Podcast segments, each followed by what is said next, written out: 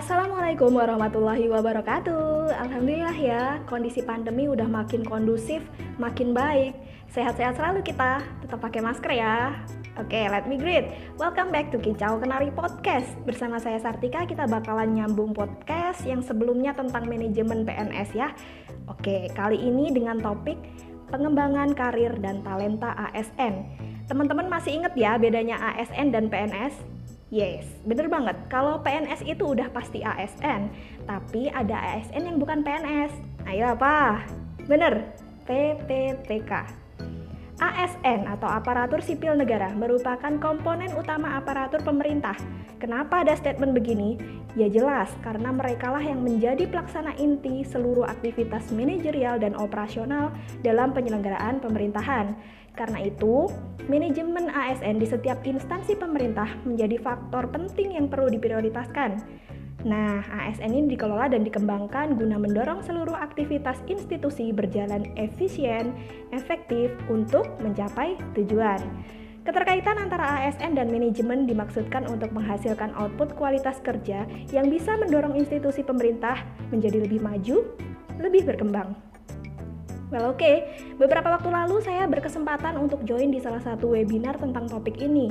Pembicaranya adalah Asisten Deputi Manajemen Karir dan Talenta SDM Aparatur di Kemenpan RB.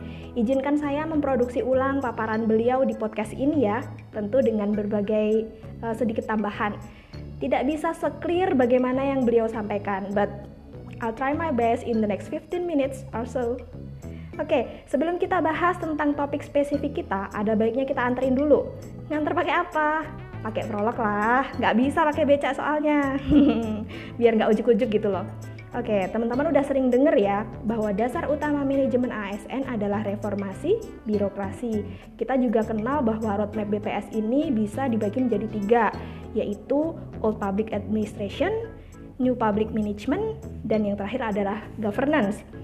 Lalu dengan RB periode 5 tahun yang ketiga yaitu tahun 2020 sampai 2024 ini, tujuan dan sasarannya adalah pemerintahan yang baik dan bersih.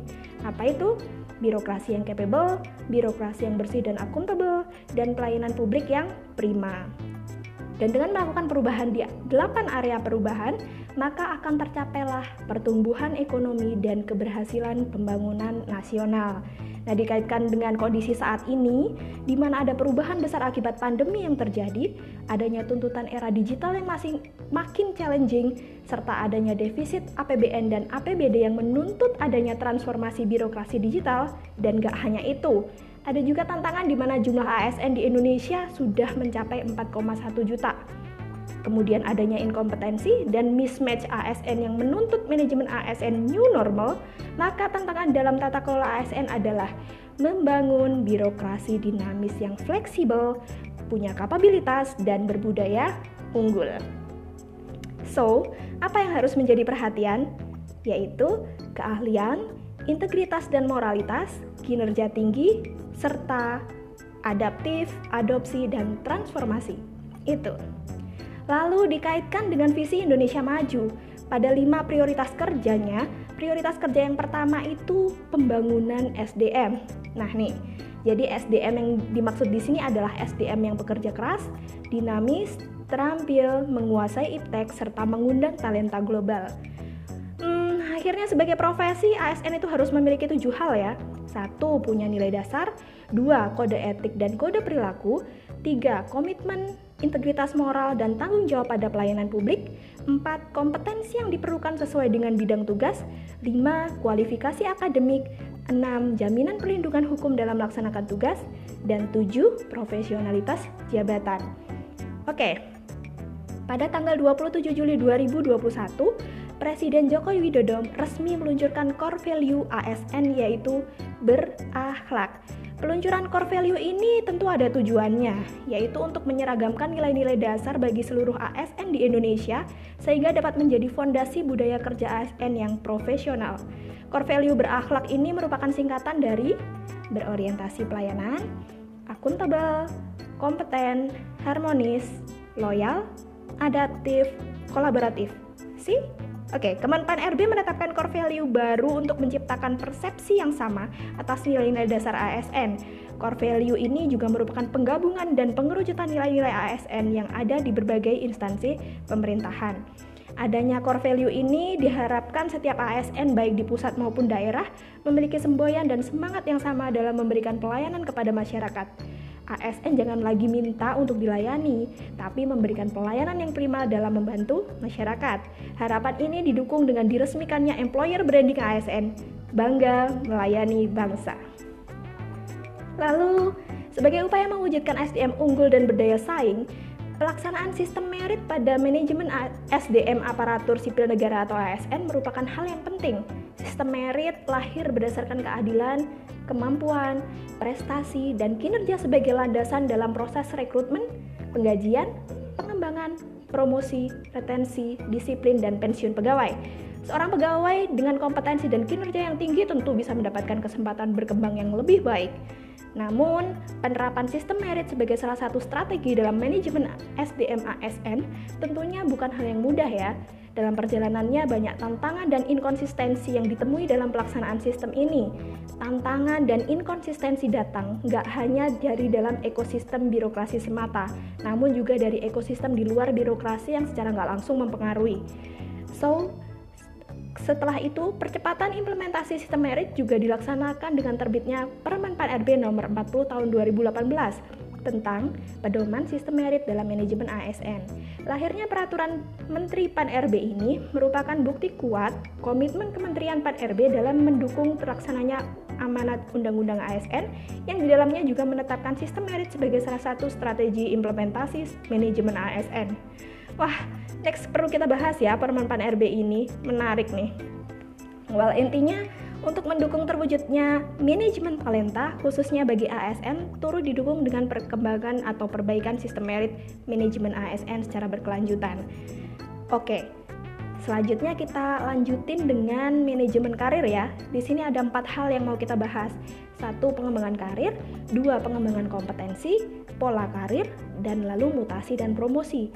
Dihubungkan dengan prioritas utama pengelolaan SDM yaitu tentang mengembangkan SDM secara berkesinambungan, merekrut orang yang tepat, mengembangkan talenta, mengembangkan budaya organisasi, membangun jalur karir, maka strategi pengembangan human capital ASN yang biasa diperkenalkan dengan 6P yaitu penguatan budaya kerja dan employer branding, pengembangan kepemimpinan dan kompetensi, peningkatan kinerja dan sistem penghargaan, pengembangan talenta dan karir, penguatan platform teknologi dan analitik, dan pengorganisasian perencanaan dan pengadaan SDM. Tarik nafas dulu ya, kasih tebakan dulu yuk. Berapa kali kata kompetensi dan karir disebut? Banyak ya? Oke, artinya pengembangan SDM itu memang berputar di situ, guys. Kompetensi, karir. Inilah hubungannya dengan manajemen PNS. Menyoal kompetensi, program pengembangan kompetensi bisa ditempuh melalui pelatihan dan pendidikan sebagai salah satu fokus dalam manajemen PNS. Pelatihan itu bisa berupa pelatihan klasikal dan non-klasikal ya. Pelatihan klasikal itu apa saja contohnya? Yaitu berupa pelatihan, seminar, kursus, dan penataran yang seperti kita tahu uh, selama ini ya. Sedangkan yang non klasikal itu bisa berupa e-learning, PJJ. PJJ itu apa? Pelatihan jarak jauh. Kemudian bimbingan kerja, pertukaran, ataupun magang. Itu dia. Nah, dari segi pendidikannya itu bisa berupa tugas belajar. Tugas belajar itu apa sih? Tugas belajar itu adalah penugasan yang diberikan oleh PPK kepada PNS dalam rangka memenuhi kebutuhan standar kompetensi jabatan dan pengembangan karir melalui pendidikan yang formal. Nah, nah ke depannya Tugas belajar ini akan dikembangkan dan didorong penuh untuk meningkatkan kompetensi pegawai dan akan mulai dikurangi untuk pengembangan kompetensi berupa izin belajar. Itu bocoran ya. Kita lihat aja nanti.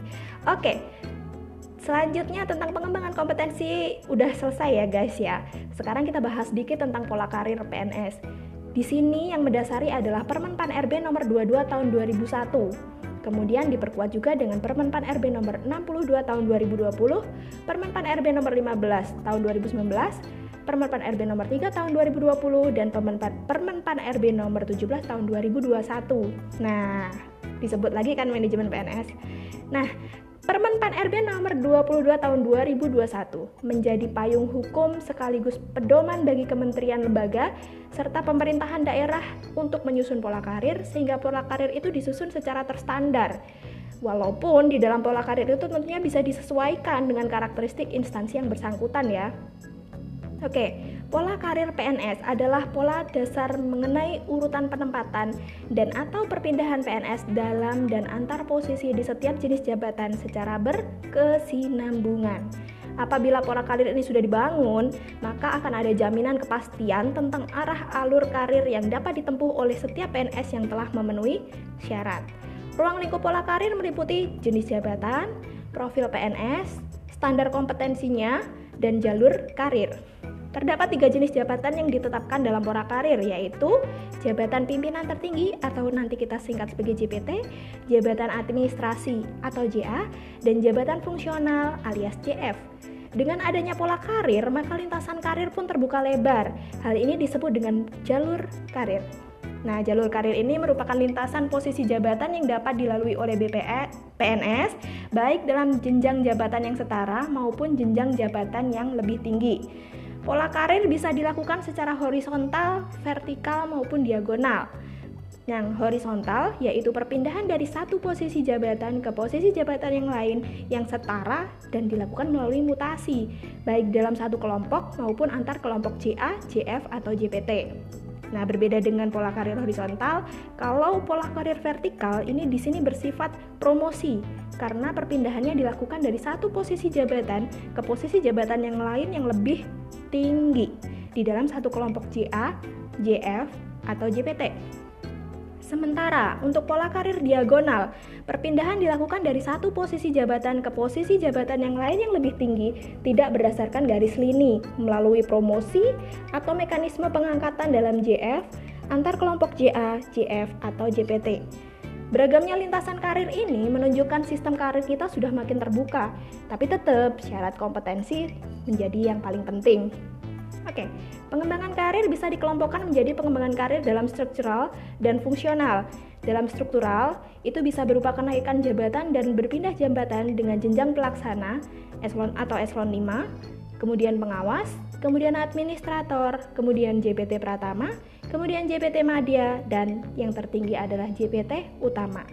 Nah, sedangkan dalam fungsional, kenaikan jabatan dan alih kategori jabatan di mana melalui promosi, perpindahan, impasing, dan pertama dapat beralih jenjang dari pemula, terampil, mahir, penyelia, kemudian dari JFA ahli pertama, ke muda, ke madya, lalu ke utama. Well, tadi disebutin ada pola karir nasional dan instansi ya. Untuk pola karir nasional disusun dalam ruang lingkup antar instansi pusat, antar instansi daerah, antar instansi pusat, dan antar instansi daerah. Oke, tiga ya.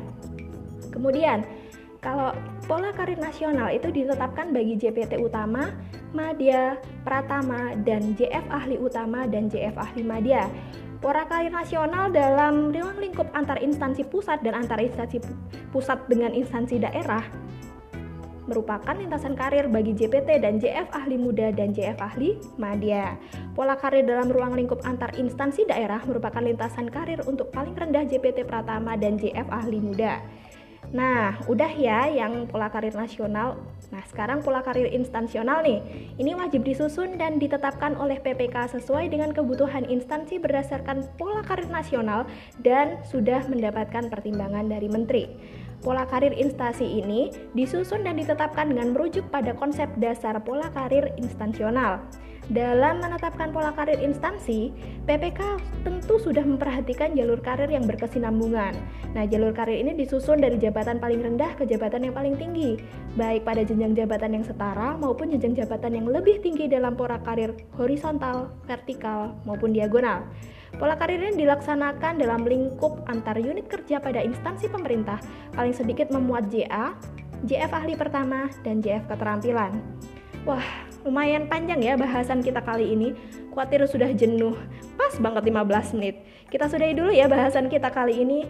Next, bisa kita sambung dengan tugas belajar atau apa aja lah yang lebih detail. Selamat berakhir pekan sobat, sehat selalu, dadah bye bye, wassalamualaikum warahmatullahi wabarakatuh.